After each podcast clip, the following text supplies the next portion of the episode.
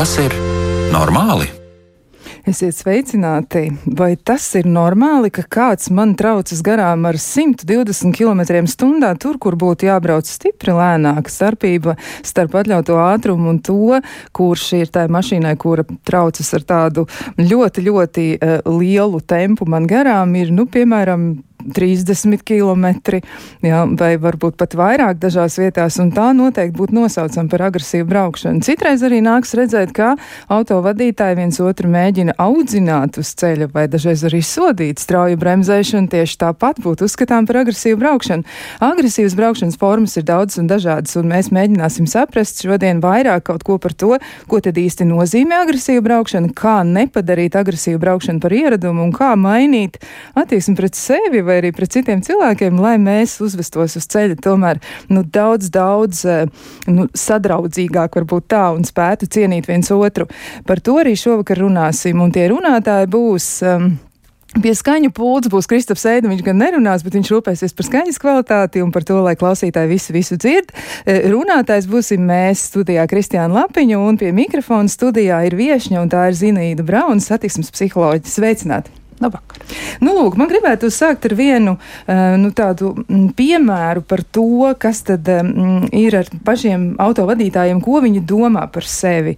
Un, um, Kā tad viņiem pašiem izskatās? Nu, piemēram, ļoti bieži tiek runāts par to, ka cilvēki brauc pārāk lēni. Ja? Tā tad, ka tā lēnā braukšana, nu, tā tad ir tāda, kas izaicina cilvēks. Un, nu, šajā apdrošināšanas kompānijā droši vien nu, tiek iesniegt diezgan daudz dažādu dokumentu ar, nu, piemēram, prasību atmaksāt kaut kādus zaudējumus, un es ticu, ka lielākajā daļā gadījumu tur nebūs vainīga lēna braukšana, bet tieši otrādi. Bet ne, nu, tā tad nesaistīt ar to, ja tā tad neapmierinātību. Mm, mm, par lēnu braukšanu pauž 56% no aptaujātajiem. Un jāsaka, šajā aptaujā piedalījās diezgan daudz respondentu, tie bija 3000 no visām trim Baltijas valstīm. Nu, tā tad tā ir viena lieta. Mm, tad otra lieta, kas ir ātruma pārsniegšana, ir aizskaitinājusi katru ceturto cilvēku. Nu, tā tad tas varētu būt tā ļoti, ļoti Nu, mm, pat grūti salīdzinām, bet tomēr stipri mazāk. Ja tā tikai katrs ceturtais, pie kam, eh, kas ir interesanti, ka eh, tolerance pret šiem te ātruma pārsniedzējiem vīriešiem tā tad ir tāda, ka viņi ļauj, ka tas varētu notikt, un sievietes savukārt ir daudz neapmierinātāks. Tātad viņas saka, ka tas nav labi. Eh, vēl viens interesants aspekts, redzot, ka blakus esošais vadītājs mobīlo telefonu lieto bez brīvrokas sistēmas, aizskaitināts kļūst katrs otrais šoferis. Tātad tas ir diezgan. Mm, tāpat arī tikpat liela neapmierinātība uzmanību izraisa arī tie vadītāji, kur bez brīdinājuma veids pārkārtošanos blakus joslu. Ja? Un eh, vēl ir arī tā, ka mūsu pašu ceļu satiksmes direkcijas dati nu, tur atkal mēs nu, varbūt neprecizēsim konkrēti datumu un gadu, bet tas ir bijis relatīvi nesen. Kopējie skaitļi ir tādi, ka manevrēšanas noteikumu neievērošana, piemēram, pārkārtošanās, braukšanas sākšana, apdzīšana, ir bijis nu, iemesls diezgan daudziem ceļu satiksmes negadījumiem. Tad, nu, teiksim, tas konkrētais gads, kad šie dati apkopot, un tas ir bijis relatīvi nesen, tie ir bijuši, piemēram, 7% gadā. Nu, tas ir diezgan daudz. Ja, un tāpat arī mm, visādas citas lietas vēl ir problemātiskas. Tāpat arī sievietes un vīrieši uz ceļa sadusmo atšķirīgas lietas, kā izrādās. Ja, jo vīrieši pret agresīviem braucējiem ir daudz iecietīgāk nekā sievietes, un uh, savukārt. Sievietēm ir tā, ka e, nu, teiksim, šie te skaitļi par ātrumu pārsniegšanu, tātad lielāka neapmierinātība izraisa tieši sieviešu vidē. Tas tracina, un šis vārds tieši ir izmantots, e, tracina 28% sieviešu un tikai 18% vīriešu. Nu, vienmēr sakot, ir ļoti daudz dažādu datu, kas liecina par to, ka ir e, problemātiski tā dzīve uz ceļa, un šodien mēs mēģināsim saprast, nu, ko tad ar to visu darīt. Un varbūt mēs varam atgriezties pie paša sākuma un mēģināt noformulēt vispār, kas ir agresīva braukšana, jo man ir arī tādi oficiāli formulējumi formulējumu, bet varbūt, ka Zinaida var arī no savas puses pateikt, nu tādā brīvā stilā, ko tas īsti nozīmē. Aha. Neredz, nu, mēs ar šo mēs parasti arī sākam mūsu nodarbības, ja, kad, eh, kas tad ir agresīva braukšana. Un tas ir eh, viens no tādiem punktiem, laikam, kāpēc ir tik grūti um, autobraucējiem pieņemt to, ka viņa braukšana traktējās kā agresīva. Jo, kā viņi paši saka, lielākā daļa viņu tajā brīdī absolūti nebija agresīvi noskaņoti. Ja? Viņi bija ļoti mierīgi un ļoti eh, labā garstāvoklī un absolūti nebija agresīvi. Ja? Tas ir tas, kas pirmais asociējās vispār, ka man obligāti ir jābūt kaut kādā emocionālā stāvoklī. Un, uh, katrs arī subjektīvs traktējums tam, kas ir agresīva braukšana. Tad, kad mēs izrunājam, kas ir tas kopējais vispārīgi tajā jēdzienā, jā, tad viņiem bieži vien ar to vien jau pietiek, lai mainītu to viedokli par to. Nu jā, tad es varu arī teikt, ka es esmu agresīvs braucējs, jo līdz tam viņi ir bijuši dinamiski braucēji, aktīvi braucēji, jā, bet pilnīgi noteikti neagresīvi braucēji. Jā. Un, ja mēs runājam par tādu, kā mēs dodam to apzīmējumu agresīvai braukšanai, tad tā ir jebkuru ceļa satiksmes noteikumu pārkāpums, ja tajā ir mm, trīs tādi aspekti. Ja tajā ir saskatāma bīstamība, ja, tātad, ja viņš apdraud sevi vai apkārtējos, tad nu, ir risks tam, ka būs ceļa, kad ir iespējams ceļa satiksmes negadījums. Ja. Otrs ir egoistiska braukšana, tātad, kad es lieku savas vajadzības pāri citu autobraucēju vajadzībām. Un šis ir, piemēram, korķa apbraukšana, ja, sastrēguma apbraukšana, ja, jo man, man vajag vairāk nekā visiem pārējiem, kas tur stāv. Vai tā ir kaut kāda, mm, nu, kaut kāda apsteigšana, vai nu, tā, kaut kas, kur var saskatīt tā pati parkošanās, ja, tad, kad kāds stāv ar ieslēgtu pagriezienu un, un pretī vienkārši paņem un ieparkojās ātri. Ja. Tā, tas arī ir. Man vajag vairāk. Un trešais ir tas emocionālā motivācija. Jā, tātad vai nu viņš ir emocionālā stāvoklī, kas var ietekmēt, nu, respektīvi, tur dusmīgs, aizkaitināts, un tas ietekmē viņa interpretāciju par visu citu, kas notiek uz ceļa. Vai nu tas ir um, emocionāls par to pašu lēno braukšanu, ja, jo tas tiešām ir visbiežāk, nu, kurš tad ir tas, kas, kas ir vainīgs uz ceļa, tie ir tie lēnie, kurus neviens nesoda, neviens nekontrolē. Ja, bet ko dara lēnie braucēji? Visbiežāk, ja mēs panelizējam, ja, okay, tā ir kaut kāda vecuma posma grupa, ja, kas brauc vienkārši prātīgāk. Ja. Sievietes, protams, kā liekas autobraucējiem, vīriešiem. Jā, lielākoties pētījums, jā, jā, pētījums nemeloja. Un, uh, un uh, tie ir tie braucēji, kas uh, sēž telefonā, kas novēršās uz kaut ko. Ja? Tā tad vai nu tā ir īsiņu rakstīšana, vai nu tā ir aiziešana sarunā, pat ja viņš runā ar, ar handsfree sistēmu. Ja? Viņš vienkārši aiziet tajā telefona sarunā, un viņš vairs nav uz ceļa. Bet viņš joprojām atrodas trešajā joslā, ja, un brauc tur ar saviem 70 un ļoti interesanti piedalās sarunā. Jā, tātad tā ir nu, tā motivācija pārkāpumam, tam autobraucējam tajā brīdī ir apdzīt to lēno braucēju, jo viņš ir neiecietīgs pret to braucēju. Ja? Un tas tam nav nekāda sakara ar to, kurš brauc ja? vai kurš izprovocē. Ja? Tas ir tas, ka, kā es uz to reaģēju. Ja? Tātad šie ir tie trīs aspekti, vienmēr, par kuriem mēs runājam. Ja, ja tajā pārkāpumā, ko viņš ir veicis jebkurā. Vai tas ir ātruma pārkāpums, vai tā ir joslu neievērošana, jebkas. Ja, ja šajā mēs varam saskatīt pārkāpumā šos trīs aspektus vai kādu no viņiem, tad tas jau var būt traktēts kā agresīva braukšana. Mm. Ja. Jā, interesanti. Tiešām nu, tā, tie lēnie braucēji, man liekas, ka liela daļa no šiem cilvēkiem brauc atļautajā ātrumā. Jā. Un, un, un, un ne vairāk, jā. ne mazāk. Viņi brauc atļautajā ātrumā. Jā, šeit ir vēl viens moments tāds, jā, ka tā, tā kā atkal jau tas rada dažādais interpretējums. Jā. Tie, kas brauc Vācijā vai kaut kur ārzemēs, viņi visi skatās uz trešo joslu kā uz ātrumu joslu. Mums tāda jēdziena nav. Ja? nu, viņi ir pārsteigti par to, Bet kā? Bet trešā josla ir paredzēta ātrai pārvietošanai. Pa bāni. Kur mums ir bānis? Un tad viņiem ir. Um, Bet tā taču visi dara. Jā, to taču visi zina. Jā, bet tieši tā, bet pa trešo joslu viņš brauc ar atļautu ātrumu. Tas cilvēks bieži vien šādi un tad, protams, ir arī izņēmumi, jā, kur arī dažāda motivācija cilvēki nav pieredzējuši. Viņi tiešām pārkārtojas trešajā joslā ar mērķi pagriezt pa kreisi pēc ļoti liela attāluma, bet viņš ir laimīgs, ka viņš ir pārkārtojies dēļ, kā es saku, dēļ tādiem autobraucējiem kā jūs. nu, jā, kuri neļauj, neļauj, viņi neļauj to izdarīt. Nu, vai, vai viņi tik ātri pārvietojas, ka tas, tā, tas manevrs kļūst bīstams vienkārši. Jā, tiešām, bet ap citu runājot eh, par telefonu lietošanu vai arī to brīvroku sistēmu, ir tā, ka pie agresīvas braukšanas, ja mēs runājam par ceļu satiksmes noteikumiem, ja, tad eh, ceļu satiksmes noteikumos agresīva autobraukšana ir formulēta atsevišķi. Tur ir diezgan daudz eh, nu, dažādas lietas, un arī tas, nu, tā tad tieši tas arī, ko, ko tu pat nu, teici, ja par to bīstamību, tur, piemēram, vairāk kārtai braukšanas joslu maiņa, tad tur ir vairāk, vairāku mm, sastrēgumā esošu vai kolonā braucošu transporta mm -hmm. līdzekļu apdzīšanu. Ja? Tad tur vēl visādas citas lietas, braukšana ar mopēdu uz motociklu vai vienu riteņu, piemēram, ja? mm -hmm. saulīti, uztīti, ja kaut kur nebūtu, mm tas arī noteikti Jā. ir pie agresīvas braukšanas. Bet savukārt runājot par Tālruņa lietošana te ir tā, ka ceļu satiksmes noteikumos ir paredzēts eh, nu, ļoti, ļoti konkrēts sots, ja, un es varu nocitēt, kā tas ir, un varbūt klausītāji arī eh, nu, ieklausieties, eh, kā tas ir uzrakstīts melns uz balta, tātad par tālruņa piezīmi datoru, planšetu datoru vai viedierīces lietošanu,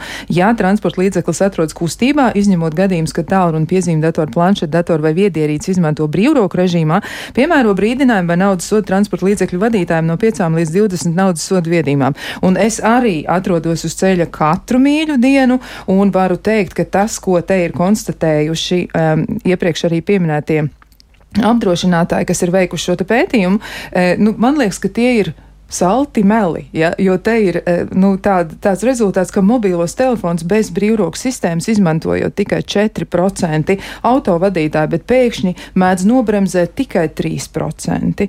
Un katrs astotais ir atzīts, ka sastrēguma laikā reizēm agresīvi pārkārtojas, bet tikai 15% no šiem autovadītājiem pārsniedz atļautu braukšanas ātrumu. Nu, realitātē Nu, droši vien, piemēram, nu, ceļu satiksmes eh, vērtētāji un arī nu, tātad, eh, mūsu pašu policisti noteikti pateiktu, ka tas viss izskatās pilnīgi citādi. Ja, nu noteikti, tad, kad uh, ir avārija, diez vai kāds atzīstās, kad viņš ir lietojis tajā brīdī. Bet tad, kad mēs grupās par šo runājam, tad bieži vien tas stāsts ir ļoti, ļoti līdzīgs. Es uz sekundi paskatījos, kas man telefonā pacēla acis, un tur jau kāds stāv, no kurienes viņš tur uzrādās, kā viņš ir. Tā tās avārijas nu, vai nu pēdējā brīdī no viņām izvairās, vai nu viņās nokļūst. Ja?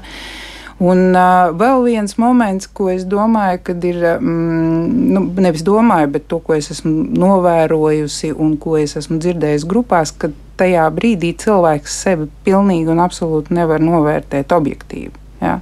Cik daudz viņš ir novērsies.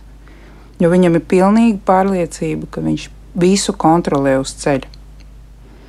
Tad, tad absolūti subjektīvi tā realitāte tiek uztverta. Jā, Jā, tāpēc es domāju, ka tie dati jau ir arī eh, balstīti uz atbildēm subjektīvām. Ja? Man, man liekas, ka es nekādā nu, pārkāpt ātrumu tur gan es varētu droši vien, ka ļoti reti, kurš tajā brīdī, kad viņš ieskatās telefonā, viņš nu, pietiekami ātri brauc. Ja? Bet nu, es domāju, ka mēs visi redzam uz ceļa, kā tas izskatās, ka pēkšņi, ja mums pēkšņi normāli braucoša mašīna priekšā sāk piebremzēt, nevar vairs vienas joslas ietvaros kustēties, kaut kā sākt kaut kur bīdīties. Nu, visdrīzāk viņš ir saņēmis kādu īziņu vai zvanu, ja, un tad apdzenot mēs varam redzēt, kā tas notiek. Bet tā ir ļoti bīstama situācija, jo jā. kaut arī tas netiek, eh, nu tā kā klasiski te, nu mums nav tas ielikts pie tās agresīvās braukšanas, bet šķiet, ka ja mēs ņemam vērā to pirmo faktoru, ko tu minēji, bet tu kritēriju, jā, par to agresīvo braukšanu, ka tas ir bīstams process, tātad uh mhm. -huh. viss, ko cilvēks dara, kas rada bīstamību uh mhm. -huh. viņam pašam un arī pārējiem ceļu satiksmes dalībniekiem, tad tādā gadījumā būtībā tas arī būtu jāuztur kā agresīvas braukšanas, eh, nu, veids, ko noteikti varētu, bet uh, tas pilnīgi noteikti ietekmē kopējo ainu. Tāpēc es domāju, ka nu, viņi var traktēt kā agresīvu braukšanu, jo, manuprāt, tur ir, kā man liekas, problēmas. Nu, konstatēt to momentu, jā, nofiksēt to momentu, kad cilvēks, piemēram, nokļūst avārijā dēļ tā, ka viņš ir lietojis telefonu, jā, vai, vai ka viņš vienkārši lieto telefonu braukšanas laikā. Un, ja, ja šo momentu varētu kaut kādā veidā risināt, man liekas, tas daudz ko ietekmētu. Jo šobrīd, nu, pavērojot, kā tu pat teici, jā, paskatoties apkārt, tad, kad tu sēdi pie stūres, nu, praktiski tiešām katrs otrs sēž telefonā, sa, ja mēs sastrēgumos vai kaut kādos tādos blīvākā kustībā. Ja? Un kaut ko dara. Un tāpēc uh, agresīvie braucēji bieži vien saka, ka viņi ieņem otro joslu, kur, piemēram, kaut kur jāpagriežās pa kreisi būs galā. Jo zina, ka kāds kād, kaut kur pa vidu sēdējis telefonā, un tad noteikti varēs pirms viņa ielīst iekšā. Ja? Tas rada tādas um, iespējas, ilūziju kaut kādu, jā, laikam tādā veidā. Jā, nu pasaulē ir arī diezgan daudz kampaņas e, bijušas, un mm -hmm. tās ir vērstas pret to, lai cilvēki nu, gan nebrauktu agresīvi, gan arī, piemēram, nelietot mobilos telefonus, esot pie stūras, un ir arī tādi ļoti, ļoti smagi stāsti, ja, un es atceros arī vienu reklāmas kampaņu, un es neminēšu šobrīd valsti, bet, nu, tur ir tā, ja, ka cilvēks vienkārši stāsta, pirms tam viņš, viņš, nu, jautā kādam citam cilvēkam, nu, vai tu atbildi uz telefonu zvanu, vai uz kādu izziņu, vai varbūt uz to, kas ir tev parādījies savā sociālajā tīklā. Un šis cilvēks saka, jā, es atbildu. Un, un tas tev šķiet nozīmīgi, jā, man tas šķiet nozīmīgi. Un tajā brīdī tas stāsts tiek turpināts, un tas cilvēks saka, piemēram, jauna meitene, viņa saka, man vecāki šādi gāja bojā, jo kāds vienkārši gribēja nospiest laiku Facebookā. Jā, nu, kā mēs to saucam, ja tā tad eh, zīme patīk, ja kādā sociālajā tīklā. Un šī nieka kustība, šī novēršanās ir maksājusi diviem cilvēkiem dzīvību. Nu, tas, man liekas, ir tāds ļoti nopietns jautājums. Un te es gribu tev uzdot nākamo jautājumu tieši par to, kā tas ir um, par riska izjūtu. Jo reklāmas kampaņas tiek rīkotas aizvien, aizvien arī ceļu satiksmes drošības direkcija ļoti cenšas uh, informēt autovadītājus un arī ļoti daudz strādā šajā jomā. Un arī citi uh, nu, mēdī vai teiksim, sociālās kustības iesaistās. Kāpēc tas nestrādā tā, kā mēs gribētu? Tas strādā varbūt kaut kādu laiku, varbūt tu vari dalīties arī ar saviem novērojumiem. Kā tas ir? Manuprāt, tavs piemērs par to reklāmas akciju, kas strādā, ja, tas ir par to, ka ir emocionāli jāuzrunā tas cilvēks. Ja, jo man arī, mm, es redzēju vienu ļoti, es neatceros, kurā valstī tā reklāmas akcija gāja, bet viņi bija arī, manuprāt, ļoti efektīvi, jo viņi lika aizdomāties tieši tam cilvēkam. Tā doma bija tāda, ka kinoteātrī rāda ekrānu, ja, un, un pirms tam viņiem visiem savāca tur telefona numurus ar domu, ka nu, reklāmas akcijas saņemšana kaut kāda. Ja. Tiem cilvēkiem, kas nāk tajā zālē iekšā. Un uh, vienā brīdī visi saņem izziņas, nolaiž acis, lai paskatītos tajā ekrānā, un tajā brīdī ekrāns saplīst. Kino ekrāns saplīst. Ja? Un uzraksts vēsta par to, ka tātad, tās ir, tā ir tā sekunde, kad tu novērsies un uz ceļa kaut kas notika. Ja? Akmens, dzīvnieks, jebkas, bērns ar bumbu. Ja? Un tad tas liek aizdomāties man. Ja? Jo tas bija ar mani uzrunāja. Uh, tad, kad mums um, vien, vien, viena akcija bija, kad, kad es tieši jautāju grupai, vai viņi ir pamanījuši, ka ir Ja? Viņi visi sēdēja un teica, ka nē, jo viņi personīgi neuztver, ka tas ir par viņiem. Tas ir kādam, tā ir kaut kāda formula, kā viņi uztver to. Ja? Viņa neuzrunā personīgi mani. Viņa runā ar kādu, kurš neprot braukt, neapzinās, ko viņš dara. Manuprāt, tas ir arī mm, liela nozīme tam, ko mēs, mēs veltam laiku grupās, mazināt noliegumu, saprast, ka tas ir par mani. Ja? Kad, e, tad, kad es pasaku, ka es esmu agresīvs braucējs, es jau uzņemos atbildību. Ja? Bet tajā brīdī, kad tas, tas plakāts pirmkārt, es novēršos telefonā, iespējams, tad, kad es braucu garām tam plakātam. Ja? reklāmas mēs zinām, televīzijā mēs mēdzam tagad ir īpaši iespēja pārtīt uz priekšu, ja, tad tas ir kaut kur, kur es neaizķeros. Jo tas nav, es, es neesmu mērķa auditorija. Ja. Es nevaru pieņemt, ka man ir uzmirklīts seši punkti par agresīvas braukšanas. Ja. Tātad tie ir viena no lielākajiem. Desmit punkti ir par bēgšanu no policijas, astoņi punkti ir par alkohola reibumu jā, vai narkotiku reibumu atsevišķos gadījumos arī 10 punkti par narkotiku, un tad ir 6 punkti. Tie, tas ir bargākais, viens no bargākajiem sodiem. Un viņiem ir. Kā? Par ko? Tad, par ko tieši ja. tā? Es pārkāpu joslu. Un man seši par joslu, lai man iedod manu vienu vai divus punktiņus. Ja? Par ātrumu arī tur skaidrs pieci punktiņi, ja ļoti pārkāpju, bet seši par agresīvu. Par ko? Kāpēc? Ja? Es absolūti kontrolēju. Tāpēc viss, kas ir par to, ka tu kaut ko vari nenokontrolēt, nav par mani. Es esmu kontrolējis. Ļoti labi visu kontrolēju savā dzīvē, uz ceļa un tā tālāk. Nu, tad ir tā kontrolēšana, viņa ir pāri, ja, pāri jau savām personiskajām robežām. Cilvēks kontrolē visu. Ja. Viņam liekas, gan lēnos, gan ātros, gan tos, kas uzvedās labi un netik labi viņa prātā. Jā, un šeit tas tev, tevis pie, pieminētais audzināšanas moments, kā es saku, tie ir pedagogi, ja, kuriem būtu jāiet uz skolu, kas mums šobrīd trūks. Ja? Kāpēc tas jādara uz ceļa? Un tas ir arī vēl viens moments, ko viņi viens otram saka. Kāpēc tu to dari? Tas nav tavs pienākums. Kāpēc tu uz to tērē laiku? Kāpēc tevi tas emocionāli uzrunā? Ja? Strādā ar sevi. Tad ir mm, ar mani viss kārtībā, es kontrolēju. Viņš brauc pārāk lēni. Ja? Vai, vai viņš tur mm, neievēro, un, un vēl tad, kad uh, viņi dažreiz stāsta gadījumus, kas ir pilnīgi atspoguļo viņu rīcību, ja? un kad nu, ja viņš ir kretīns, bet man vajag, man tiešām vajadzēja, bet viņš. Ja? Ne, tas ir vēl viens aspekts, ko mēs mēģinām interpretēt savādāk. Nevis vienkārši uzliekot viņam diagnozi tam, kurš dara tā, kā tev nepatīk. Ja? Bet, bet arī mēģina saprast, kā viņš var domāt savādāk. Ja? Tāpēc novirzījāmies drusku no reklāmas, ja? bet, bet tas ir par tādu, kāpēc neuzrunāt, tāpēc, ka tas nav stāsts par mani. Ja? Jo vairāk tas ir, un tāpēc arī grupas mums ir diezgan labi tie statistiskie rādītāji, tāpēc, ka runā par mani, runā par maniem pārkāpumiem. Ja? Kādam izrādās kaitina tādas lietas, ko daru es. Man liekas, ka visus kaitina tikai tas, kas kaitina mani. Izrādās, ka nē, katru kaitina kaut kas cits. Kādam lēnais braucējs absolūti nekādas emocijas neizraisa. Ja? Viņš brauc aiz viņu pie pirmās iespējas apdzen, bet viņš emocionāli neuzvelkās. Kā var neuzvilkties? Ja? Visi uzvelkās.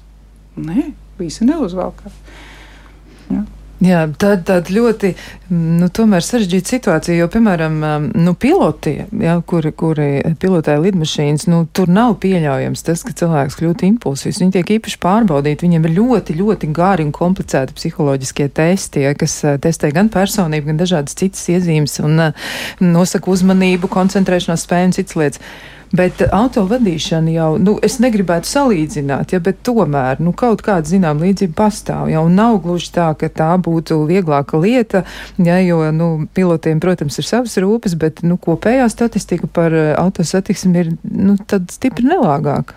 Jā, bet viņi grupās bieži vien nonāk pie secinājuma, ka šādus kursus vajag tieši tad, kad apmāca braukt. Viņi saka, tagad jau ir pavēlu, tagad jau ir jāpārtaisa, jālauž tā sava domāšana, ja, bet tajā brīdī, kad viņi veidojās kā autobraucējiem, ja, ka iespējams šis nu, psiholoģiskais aspekts arī ir jāņem vērā. Ja. Vai tas varētu būt arī par to, ka dažs labs cilvēks jūtas kaut kādā nozīmē īpašāks? Nu, o, jā, dažreiz, jo, protams, ja? protams, bet tas jau ir arī par, par to, kad, nu, kā viņš dzīvo. Jā, tas jau ne tikai atspoguļo, kā viņš brauc. Jā, bieži vien grupās arī kā viņš komunicē ar citiem cilvēkiem. Ļoti labi atceros, ka man bija vienā grupā vīrietis, kurš stāstīja, kad uh, viņu apturēja policists un viņš viņam piedāvāja kukuli. Ja, tas teica, es tev vēl tūlīt par kukuļdošanu iesēdināšu. Ja, un, un, saku, kas varētu mainīt tavu attieksmi pret braukšanu? Kas tev varētu izlabot? Un viņš saka, palieliniet sodus. Es saku, bet tu tikko izstāstīji, ka priekš tevis tas soda apjoms pilnīgi neko nemaina. Un viņš teica, bet viņi pārējie tā nebrauks. Tātad viņš atrisinās jā, šo sodu citu, citu cilvēku problēmas, kā, kā viņam liekas. Jā, nu, bet vai arī ir tā, ka m, izdodas tiešām novērot arī tādas būtiskas izmaiņas? Nu, tā, tā, protams, mēs gribētu domāt, jo laikam, nu, atklāsim arī klausītājiem, ka tu esi tas cilvēks, kas strādā ceļu satiksmes direkcija, drošības direkcijā ar, ar šīm tā saucamajām uzvedības mainīšanas, jeb koriģēšanas ārstēšanas grupām. -huh. ja, un, un nav jau Latvijā īpaši daudz vietu, kur cilvēki varētu tieši šī iemesla dēļ, tāpēc, ka viņi ir braukuši agresīvi vai tāpēc, ka viņi īsti neizprot savu vietu tajā ceļu satiksmē un paši sevi, ko tad viņi tur dara, kā viņi jūtas. Nu, tā, ir, tā ir tā vieta, kur to varētu darīt. Ko tu pamani, kas mainās tad, kad cilvēki apmeklē šādas grupas? Kā jau teicu, tas galvenais, viens no galvenajiem iemesliem, iemesliem bet mērķiem mums ir, lai viņš uzņemas atbildību par to, ka viņš tiešām brauc agresīvā veidā. Nevienmēr, protams, tie punkti tur dažreiz ir neuzmanības punkti, kaut kādu cilvēks var savākt, piemēram, par vairāk kārtīgu apdrošināšanas nenokārtošanu, ja, ka kaut kādi tādi komiski tur tie gadījumi dažreiz ir. Ja. Bet uh, tas tieši nolieguma mazinājums. Ja, kad es saskaros ar, es ļoti bieži grupās valku paralēlus arī ar uh, atkarīgajiem klientiem. Ja? Tad es viņiem arī saku, ka tajā brīdī, kad es pasaku, ka es esmu agresīvs autobraucējs, ka man ir šī problēma, un tad, kad es gribu kaut ko mainīt, tikai tad es varu, tad, kad ir tā iekšējā motivācija, ja viņi ir skaļi pateikti, viņi ir apzināti, tad es varu kaut ko mainīt.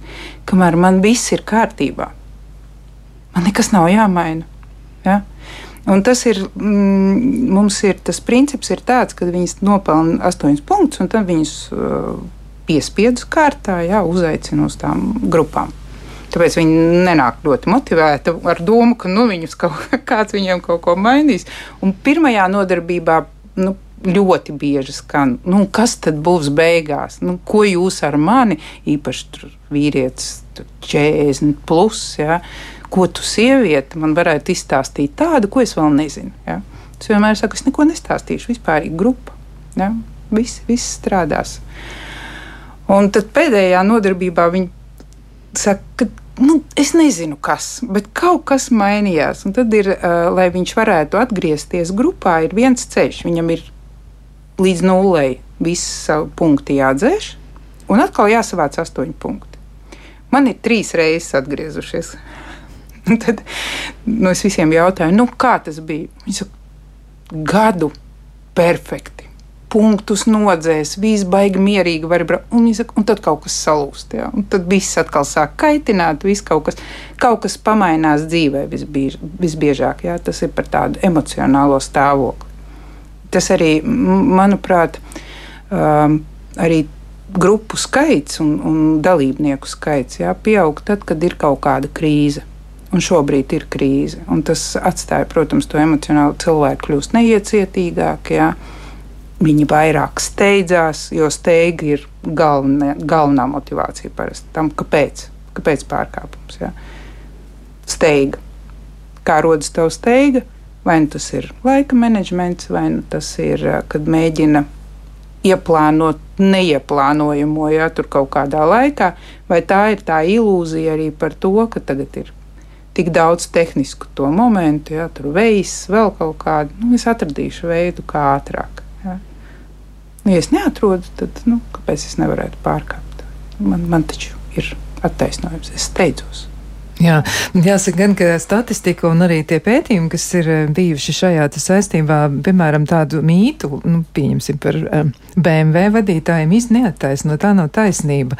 Jā, BMW vadītāji nav nemaz tādi ļaunprāši, un ļoti bieži arī viņi ir eh, ļoti, ļoti apzinīgi autovadītāji, un šķiet, ka pirms laba laika bija arī, nu, tur es atradu tādu, nu, jau vecu rekordu, jā, bet, nu, tur bija kaut kādi pārsimt 60 km stundām, piemēram, Mitsubishi, jā, nu, tā tad nav nemaz tik bieži, jā, jā, vai no varbūt uh, nu, tas ierastais. Un tas arī ir kaut kas, ja par tādu tā kā grupas radīšanu, varbūt stereotipu. Stereotipi ļoti bieži grupās izskan, jā, bet BMW autovadītāji par sevi, nu, tāda drifts, ja tā ir tā, tas, tas viens no um, ceļu satiksmes um, noteikumu, tas, tiem punktiem, kas jā. viennozīmīgi tiek traktēts kā agresīvā braukšana, ja, jā. tad, protams, ka tur lielākā daļa ir BMW, jo tie ir visi ar, ar aizmugurējo pie, nu, piedziņu. Ja. Jā, Bet jā. viņi arī saka paši par sevi, kad viņi saprot, ka nu, tā mašīna tomēr nu, drusku aicina uz tiem pārkāpumiem. Un bieži vien Viņi saka, ka, lai mainītu braukšanā, kaut kas ir jāmaina mašīnā.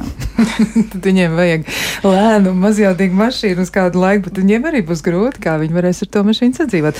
Jā, Brauc mums ir lēnu un kaitinās viss. kaitinās viss pārējos. Jā, bet mums vēl daudz jautājumu apspriežami, un to mēs noteikti darīsim, bet pēc ļoti, ļoti īsa brīža.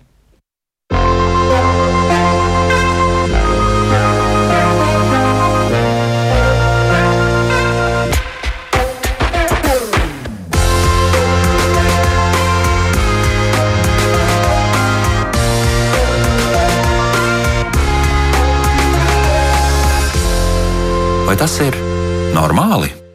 Šodien turpinām sarunu par to, ko esam jau iecerējuši iepriekš, bet varbūt tas bija palicis tikai mūsu prātos, un te nu tas beidzot notiek. Tātad mēs runājam par agresīvu braukšanu un mēģinām saprast, nu, kas tad ir pašos pamatos nu, tas, kas nosaka agresīvu braukšanu, kāpēc tik ļoti daudz cilvēku tomēr laik pa laikam to dara, un ir arī tādi, kur var teikt, nu, tas tāds viņu gandrīz vai dzīves un pārvietošanās stils. Jā, bet pirms mēs turpinām atgādināšu, šis ir raidījums, kurš analizē mūsu dzīves kvalitāti, un mēs uzdodam visus šos jautājumus, kas parasti sāks ar vai tas ir normāli, un tad mēs turpinām. Un, protams, ka mēs runājam par mūsu dzīves kvalitāti, par dažādu veidu psiholoģijas jautājumiem, arī par visu ko citu, nu tātad par mums pašiem. Un, ja jums gribas noklausīties kādu raidījumu arhīvā, jūs noteikti to varat izdarīt. Mēģiniet atrast arī Latvijas Rādio viens mājaslapu, tur jūs atradīsiet raidījumus, un noteikti arī varat izmantot Latvijas sabiedrisko mēdīju mājaslapu, arī tur tas ir vienkārši izdarāms. Un vēl noteikti varat arī sūtīt kādas savas idejas vai jautājumus uz e-pasta adresi, vai tas ir normāli, Latvijas radio.lv, un mēs noteikti arī mēģināsim uz jūsu jautājumiem atbildēt. Bet tad atgriežoties pie no agresīvās braukšanas. Vai ir kaut kas, kas iemāca cilvēku būt agresīvam uz ceļa? Jo ir tāda taču ideja arī par to, ka agresīvo braukšanu varētu iemācīties. Nu, kāds novēro, kā uzvedās. Varbūt vecāki. Mm, tas par šo mēs runājam. Uh, jā, šī, ir šāds aspekts arī, protams, kad, uh, ja, piemēram, kāds, kuram šobrīdējais autovadītājs bērnībā ir sēdējis, ir braucis ļoti aktīvi, ja, jo agresīvās braukšanas jēdziens ir salīdzinoši jauns Latvijā, ja agrāk tāda nebija. Tad tas var ietekmēt. Ja, es viņiem bieži saku par to, ka viņi ir atbildīgi arī par saviem bērniem, un viņi atspēlēsies, jo kādreiz viņiem būs jāsēž blakus un jāredz, kā viņi brauc agrāk ja, savos bērnos. Uh, droši vien, ka tas ir, bet es nedomāju, ka tas ir visbiežākais tas uh, veids, uh, kā kļūst par agresīvu braucēju. Ja? Es domāju, ka vairāk ir par, mm, par kaut kādām lietām, kad neaizdomājās, ka tas ir. Nu, tad, kā jau teicu, tā mana motivācija ir uh, pilnīgi nav traktējam kā agresīvu braukšanu. Ja? Bet tu pieminēji arī dzīvesveidu, tas arī ir interesants aspekts. Protams, ka cilvēki, kas ir ļoti ekstraverti un, un impulsīvi, ka viņi arī viņi tā dzīvo. Man bija viens grupas dalībnieks, kurš brīnišķīgi pēc pirmās nodarbības otrajā teica, ka viņš saka, tu zini, ko es piefiksēju, ka es pa veikalu pārvietojos tieši tāpat kā pa ceļu. Ja, ja man priekšā stāv kāds ar ratiņiem, un es viņam netieku garām. es nestāvēšu un negaidīšu, es apbraukšu apkārt. Ja? Tas ir par to, ka nu, viņš tā dzīvo. Viņš vienkārši tam nekad nepievērs uzmanību. Un nodarbībās viņš pēkšņi saprot, jā, ka, ka viņš nekad nu, kā, kā var būt savādāk. Kad kāds var arī palikt un gaidīt, kad viņš vienkārši pārbrauks pāri tiltam, nevis nobraukt uz ķīpsalu un tad uzbraukt augšā, jā, tāpēc, ka tur kāds brauc drusku lēnāk nekā viņam liekas. Bet kā ar, piemēram, sociālo solidaritāti? Jo ceļu satiksme ir iespējama tikai tad, ja cilvēki tiešām, nu tā, kopumā vērtējot, ja viņi tomēr lielākā, lielākoties, nu, vēlams, protams, visi, bet laikam tas nav panākams, bet, nu, tomēr ievēro ceļu satiksmes noteikumus. Tas būtu tik vienkārši. Nu, mēs Jā. vienkārši draudzīgi ievērojam mm -hmm. noteikumus. Jābrauc tur uz tik un tik mm -hmm. jābraucam. Redz, kur ir guļošais policists, visticamāk, tur ir 30 km/h braucam. Ja, un tā tālāk. Un, um, ja kāds brauc lēnāk, nu var iedomāties, taču, ka tur sēž varbūt kāds cilvēks, kas ir nesen nolicis to eksāmenu, tikko ieguvis autovadītāja apliecību. Viņš ir ļoti piesardzīgs braucējs. Viņš raizēs par to, vai viņš gadījumā ko nenodara. Un šķiet, ka šīs bailes ir aizmirsuši daudz tie tagad agresīvie braucēji, tad, kad viņi mācās mācījās braukt. Iespējams, ka viņi raizējās par to, kā būs, ja man tagad noslāps tas motors, nu, kad vēl nebija automātiskās ātruma kārbs tik populārs, vai kas notiks, ja es neuzsākšu laikus braukt, nu, tad viņi visi tur aiz manis dusmosies. Un varbūt arī šis pieļāvums ir viena daļa no problēmas, ja ko tad es darīšu, ja tie citi. Kā tad ir? Uh, nu, to solidaritāti. Jā, par to solidaritāti. Uh, par šo mēs arī daudz runājam, ka tas tik ļoti vienkārši būtu, ja mēs visi vadītos tikai no ceļu satiksmes noteikumiem. Ja? Bet, uh, nu, diemžēl ir. Um, Nu, tā braukšanas kultūra, tas ir kaut kas tāds, varbūt arī, kas, kas mums laiku pa laikam pazūd. Laiku pa laikam kaut kā liekas, ka oh, ir cerība, jā, kad ir, kad ir. Bet, uh, tad uz ceļa sāc pamanīt, ka arvien biežāk kāds nerāda pagriezienus. Nu, tā ir tāda cieņas trūkums, varbūt vispārīgi, man liekas, tas nav tikai uz ceļa. tas atspoguļo arī tādu sabiedriskās tādas attiecības vispārīgi. Jā, kad, um, robežu ievērošana arī. Jā, nu, mēs, man liekas, ka arī, ja mēs izkāpjam no ceļa, kā mēs pārvietojamies. Ja, tu ej pa ielu, un tev nāk virsū, cilvēks, un viņš vienkārši tevi neredz. Ja. Arī ar mašīnām dažreiz tāda sajūta, ka cilvēki pārvietojas. Man vajag, man vajag uz šejienu, pa kreisi, un viņš maz nepaskatās, ka tur ir kas, kas tur ir. Jā, nepārliecinās. Jā. Viņš izkāpa tikko no telefona un uzreiz atgriežas uz ceļa un jau sāk pārvietoties, tā, nerēķinoties ar citiem. Manuprāt, šis ir tāds. Mm, Nu, viens moments, ko varbūt kam vairāk jāpievērš uzmanības, arī apmācot autobraucēju, ja, kad ir tās kultūra, ja, man ir jāpadomā arī par citu. Jo šis ir kaut kā izkritis varbūt par, par to, ka tad, kad es braucu, Es nepadomāju par to, kā ir tam, kurš ir aiz manis. Ja, ja es pārvietojos, piemēram, neieslēdzot pagriezienu, viņš var nezināt, ka es pagriezīšu, vai ka es pa ieslēdzu pagriezienu kreiso pēdējā brīdī. Un tur jau ir sastājusies rinda, ja, kas, kas rēķinās, ka viss brauks taisni. Tāda neizpratne, bet es taču ieslēdzu laicīgi, ja, 5 metrus pirms, pirms pagrieziena tāda, nu, tāda varbūt nedomāšana par citiem. Jā. Tas, tas arī ir kas sanikno bieži. Tāpēc par to, man, manuprāt, tas atspoguļos sadzīvi vai dzīvi kopumā uz ceļa. Jā, arī par tiem noteikumu neievērošanu. Mums ir tik daudz lietas, kur mēģina kaut kā sarunāt. Nevis tā kā vienkārši vajag, bet kaut kā caur kaut ko. Ja, un, un tas arī pusceļa notiek tieši tas pats. Un vēl ilgu laiku vēl ar, ar to pieminēja tos labos laikus, kad varēja piekukuļot policistus. Ja. Viss bija tik vienkārši, visu varēja sarunāt. Un tagad viss kļūst tik sarežģīti. Ja. Bet šis moments arī maina braukšanas tās iemaņas, ja, kad no nu, arvien. Um, vairāk izvēlās ievērot noteikumus, jo zina, ka nevarēs nekādā veidā izbēgt no, no tāda soda ar punktiem, kas var novest pie tā, ka paliks bez, bez tiesībām. Piemēram. Bet šī ir lieliska praksa, jo man šķiet, ka tas, ka nu, nevar un nedrīkst kukuļot policistu, un tas ir sodāmi, un ka tāda kārtība ir, un tā ir tāda, kas, manuprāt, ir laba kārtība, ja, tad tā noved pie tā, ka autovadītājs uzņems atbildību mm -hmm. par to, mhm. ko viņš dara. Nu, tā mm -hmm. lēmuma pieņemšana, tā ir viņa atbildība. Mm -hmm. Jā, tas ir, bet ap to viss arī grozās. Ja? Tajā brīdī, kad es uzņemos atbildību, tad, kad es jūtu sekas par savu rīcību. Ja? Jo, mm, tad sliktu lietu tagad izstāstīšu, ja? bet tad, kad man nonāk uh, braucēji, kuriem bija noņemtas tiesības, es vienmēr jautāju, vai tu brauci bez tiesībām? Un tad viņi atbild, piemēram, ja viņš ir braucis bez tiesībām, ja viņš nav braucis, ja viņš ir tiešām ievērojis to laiku, viņam, piemēram, uz pusgadu, uz trim mēnešiem, uz gadu ir noņemtas tiesības. Viņi visi saka, es pēc tam ļoti pārvērtēju savu braukšanas ieradumus. Ja?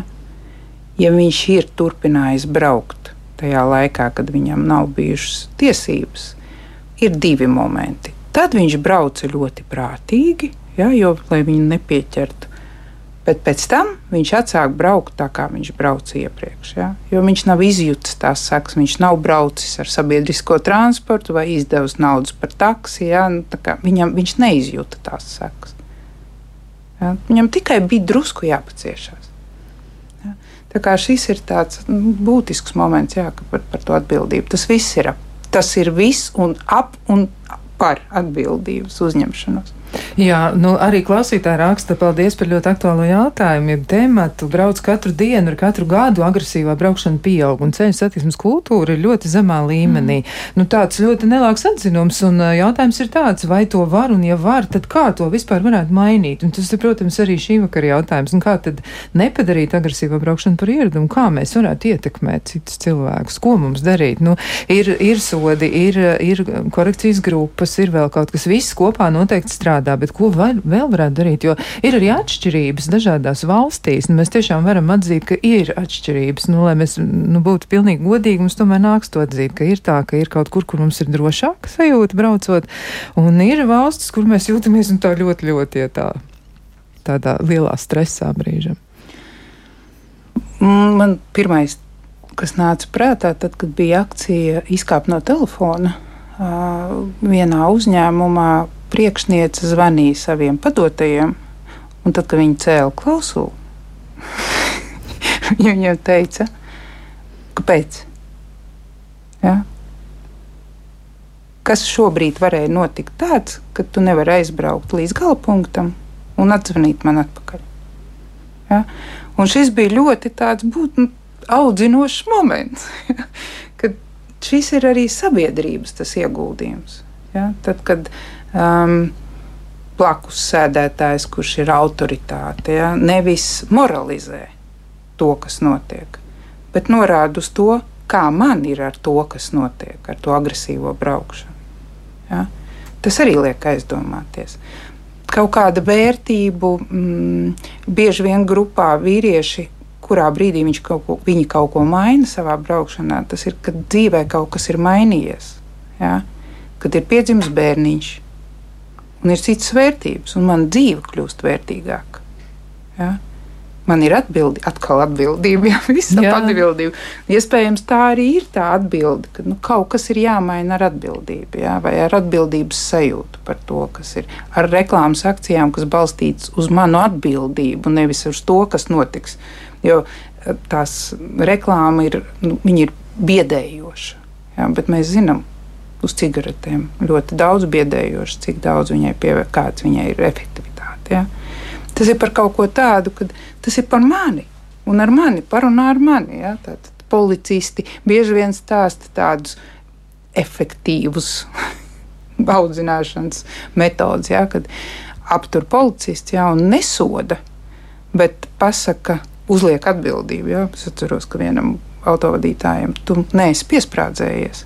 Meita tev sēž blakus piesprādzējusies. Viņš ir kāda jēga, ja kaut kas notiks, un tu izlidos cauri, ja tā mašīna lidos grāvī. Padomā par savu bērnu. Un viņš saka, saprot, viņš saka, es līdz tam nesprādzējos principiāli. Pēc, tā, pēc tās sarunas es nopietni pārvērtēju. Ja? Un tas ir par tādu, nu, kā ietekmē, un arī par to, kā mm, es pati bieži pamanu, kad, piemēram, man brauc nerādot pagriezienus priekšā, ja, un tad es kaut kur tieku garām, un tad es sāku rādīt. Un tā ir vienkārši nu, pielīpa. Ja. Tas autobraucējs arī sāk rādīt. Ja, tas ir tāds patīkami, ka kāds zina. Pareizāk sakot, ka tevi informē par to, kur brauks. Ja. Un tad tā, nu, nu, caur tādām lietām, personīgie piemēri, Man liekas, ka tāda personīga uzruna, jā, vai, vai nu, tāds, ka tam ir daudz lielāka efektivitāte nekā tāda morāls lasīšana vai kaut kāda baidīšana. Jā, un tāds, nu, un, kā jau teicu, autoskolā, manuprāt, kaut kas tur drusciņi vēl ir. Man nav nekādu pretenziju pret instruktoriem. Jā, ļoti daudz lielākā daļa iemācīja tādas labas lietas un nepalaiž ne, ne, nu, tādus ar nu, tiešām kas nav gatavi braukšanai, ja tur autovadītāji. Bet tādi momenti kā kultūra, viņi kaut kur izkrīt tomēr. Jā, nu, tas, tas arī varbūt būtu tāds svarīgs moments. Jā, es atceros eh, vienu mākslinieku, Ilmārs Blūmbergs, eh, reiz teica, ka viņš nekad nelietos mobilo telefonu tā iemesla dēļ, ka viņš nevar iedomāties, ka viņš dotu priekšroku kādam citam cilvēkam, kurš viņam tajā brīdī zvana, un viņš to, nu, tā kā mainītu pret sarunu ar to cilvēku, kur jau notiek. Un viņam liekas, ka tas ir, nu, likās, ja, ka tas nav īsti tāds pieņemams veids. Un tas arī ir kaut kas par cieņu, tad uh, varbūt, ka ir vērts mainīt to fokus, kā mēs raugāmies uz sevi satiksmē, jo mums būtu jādomā par tiem citiem cilvēkiem, bet nevis par to, ka viņi paliks dusmīgi, bet par to, ka mums ir jādara tikai tik daudz, cik no mums prastie ceļu satiksmes noteikumi, un ar to uzvedību jau pietiktu, lai mēs neizraisītu citu cilvēku negatīvas reakcijas attiecībā uz sevi, vismaz tā vajadzētu būt. Jā, bet šeit ir vēl tādi momenti, kad mēs, mēs, mēs grupās runājam par to, kad ir, teiksim, kurā brīdī viņi izvēlās teiksim, pārkāpt dažreiz. Viņi izvēlās ar tādu domu, lai atvieglotu kustību, piemēram, jāuzceļ, jā, protams, ka viņš tur ir nonācis kaut kādā pārkārtoties, viņam vajag, viņš ir apbraucis sastrēgumu un pārkārtojas vēl atļautajā vietā. Bet, ja viņš to dara tur, tad viņš kavē visu joslu. Un viņi bieži vien izvēlās pabraukt drusku uz priekšu, kur jau vairs nevar, bet viņš atbrīvo to joslu. Ja? Tad, tad ir tā, ka viņu soda, viņam ir rūkuma sajūta. Ja? Bet mēs par šo arī runājam. Jā, ja tu sākotnēji jau vadītos pēc ceļu satiksmes noteikumiem, jā, nu, tad nu, nu, tev nebūtu jādomā par to, kā ir tiem pārējiem. Tu vienkārši tur nenonāktu. Ja? Tā kā šī ir tāda izvēle, varbūt vēl arī no kaut kādiem laikiem, kas nāk, jā, jo mm, jaunā paudze jau vairāk, ja tas nav autobraucējs, kuram ir jāatstrādā adrenalīns un, un mašīna ir vienīgais veids, kur viņš, viņš var pierādīt sevi ja, un, un kaut kā pazīmēties. Tad, uh, tad viņi ir jau audzināti savādāk, ja, uz ceļa, tieši kultūras, braukšanas kultūras ziņā. Ja. Uh, šis arī jā, mainās aspekts, manuprāt, arvien, arvien vairāk mm, nu, jaunā paudze tieši. Ja? ja viņiem vēl blakus nesēdē tie, kas pamāca, ka vajag savādāk, ja? ka, kāpēc tu nevarēji tur kādu starpību, ko domā citi, ja? vai kā jūtas citi, tad droši vien, ka rezultāti būtu Nu, jānomainās, kā visā ir jānomainās vairākām paudzēm. Jā, tas arī, bet uh, varbūt vēl arī viens jautājums, uh, nu, kādā stāvoklī, emocionālā stāvoklī nevajadzētu sēsties pie stūres, jo citreiz ir tā, ka cilvēki sastrīdas vai viņiem ir, uh, ir kāda nu, tiešām problēma, ko viņi nevar atrisināt, un viņi saka, ka viņiem palīdz braukšana. Viņi tad nomierinās, jā, bet iespējams, ka tas sākums nav tas rāmākais, tad, kad viņš ielec mašīnā, vai arī, piemēram, ir partneri sastrīdējušies tur viens ar otru un, un emocijas ir augstu vilni un cilvēks lec mašīnā iekšā, nu tad tagad arī brauks kaut kur. Tas nav tikai par tādām aizkaitinājumu vai tādām, nu, tādām spēcīgām mm, emocijām, tādām aizkaitinājumu vai dusmu. Jā. Tas ir arī par mm, sērām, piemēram. Jā, ka cilvēki var piesaisties tādā stāvoklī, ka viņš vienkārši nesaprot, ko viņš dara uz ceļa, ka viņš var pārbraukt neuzmanīgi uz sarkano gaismu vai kaut kā nu, vienkārši. Uh, mēs runājam par šo, ka, ja tu kaut kādā emocionāli saspringtā stāvoklī piesēdies pie stūra, dot sev laiku saprast, vai es šobrīd varu braukt, vai es tiešām esmu pie stūres, vai es, vai es braukšu. Ja? Un, ja tu saproti, ka visdrīzāk tas emocionālais stāvoklis var ietekmēt uzmanību, braukšanas stilu, tur reakcija uz citu autobraucēju, jo bieži vien saka arī par to, ka tā pēdējā pili, kad tur kāds izgriezās ārā, jā, un tad izdarīt izvēli par labu sabiedriskajam transportam, ja ir iespēja pastaigai, ja ir iespēja taksim, jā, nu, tā kā izvērtēt tomēr to, cik daudz es varu, cik es šobrīd būšu uz ceļa. Jā.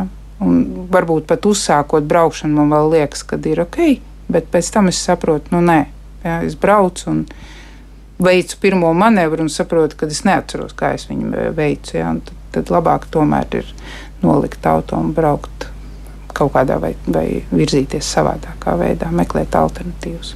Un kā tikt galā ar to spriedzi, kas rodas tad, ja kāds cilvēks ir izlēms, piemēram, eh, mani audzināt, es braucu ar 51 km/h, ja, un eh, kādam šķiet, ka es braucu pārāk lēni, un tad es lēnām pieripinu pie krustojuma, un kāds man iešaujas priekšā, ja, un pie nākamā krustojuma strauji nobremzē rekur tev. Ja, tad kā tikt galā ar to, kas rodas cilvēkiem kā atbildes reakcija, jo bieži vien jau arī novērojot šīs darbības, mums ir tāda, nu, tipiska stresa reakcija. Mēs reaģējam, mūsu organisms ir ātrāks par mums, mūsu smadzenes un dažas smadzeņu daļas viņas ir neprātīgi ātras, viņas dara uzreiz to visu, viņas mobilizē to stresa sistēmu, mēs izjūtam šīs te, mm, lietas. Un, protams, ka tas nāk vienlaikus domas, emocijas, viss notiek acu mirklī. Ko darīt tādā situācijā? Ja mēs mm. esam kļuvuši varbūt par agresīvas braukšanas upuriem, varbūt tā. Uh, nu šeit ir katram ir jāizvērtē, kas viņam palīdz. Jā. Mm, mums ir uh, no, no grupām stāsti, ja nobraukt malā, vienkārši paelpot, veselīgi vai neveselīgi, ja uzpīpēt, piemēram, ja, kas ir sakām, jā, jā. jā. Tad uh, ir uh, viens puisis ļoti brīnišķīgi. Viņš teica, nevajag kafiju pirkt. Viņš saka, iebrauciet, nopērciet saldējumu, ja, ieprieciniet sevi. Ja. Nu, nu, tā tad dot sev pauzi, lai es ar tām emocijām, lai es saprotu, ka tas nav stāsts par mani Tas ir visdrīzāk stāsts par to autobraucēju, kāpēc viņš tā reaģē. Ja? Neviens nav izslēdzis arī ziņot par, par, par šādu veidu.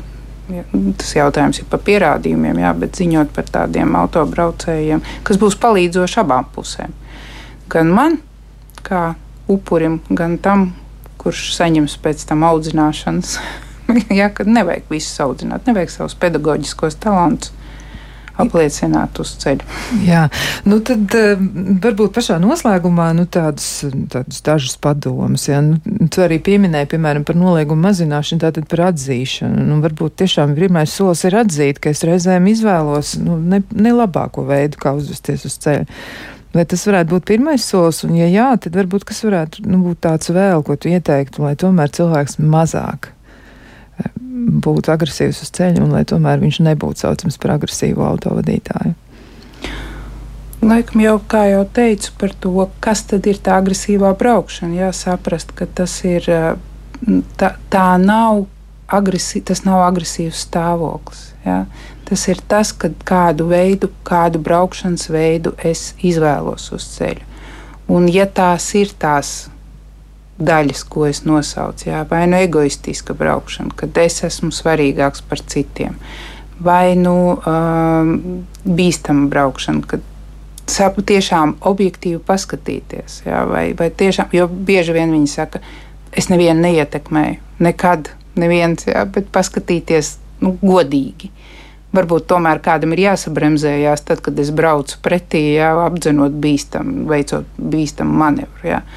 Nu, tādas, um, manuprāt, bez pa papildus palīdzības no malas, un kā jau teicu, ieklausieties savos pasažieros. Ja jūsu blakus sēdētāji regulāri saka vienu un to pašu, visdrīzāk jums kaut kas piemīt no tā, ko viņi saka. Ja? Nevis vienkārši viņi jūs grib pakaitināt. Tā kā tādu godīgi paskatīties uz sevi un, un varbūt arī par to, kā tas um, izpaužās, ja? kā, kā tas noliegums izpaužās. Ja izdodas palasīt nu, un at, atpazīt sevi, tas ļoti palīdz. Vai arī brīvprātīgi var pieteikties? Jā. Ja? Jā. Var. Var. Tas nozīmē, ka var sameklēt CSDD. Jā, un arī piesakās. piesakās. Tas gan ir jauks eh, tāds eh, veids, kā pamēģināt tomēr pārvaldīt sevi tiešām brīnišķīgi. Ļoti laba pieredze. Noteikti ir jau kādam, un iespējams, kādreiz mums izdosies aprunāties ar kādu no šiem brīvprātīgiem grupas apmeklētājiem.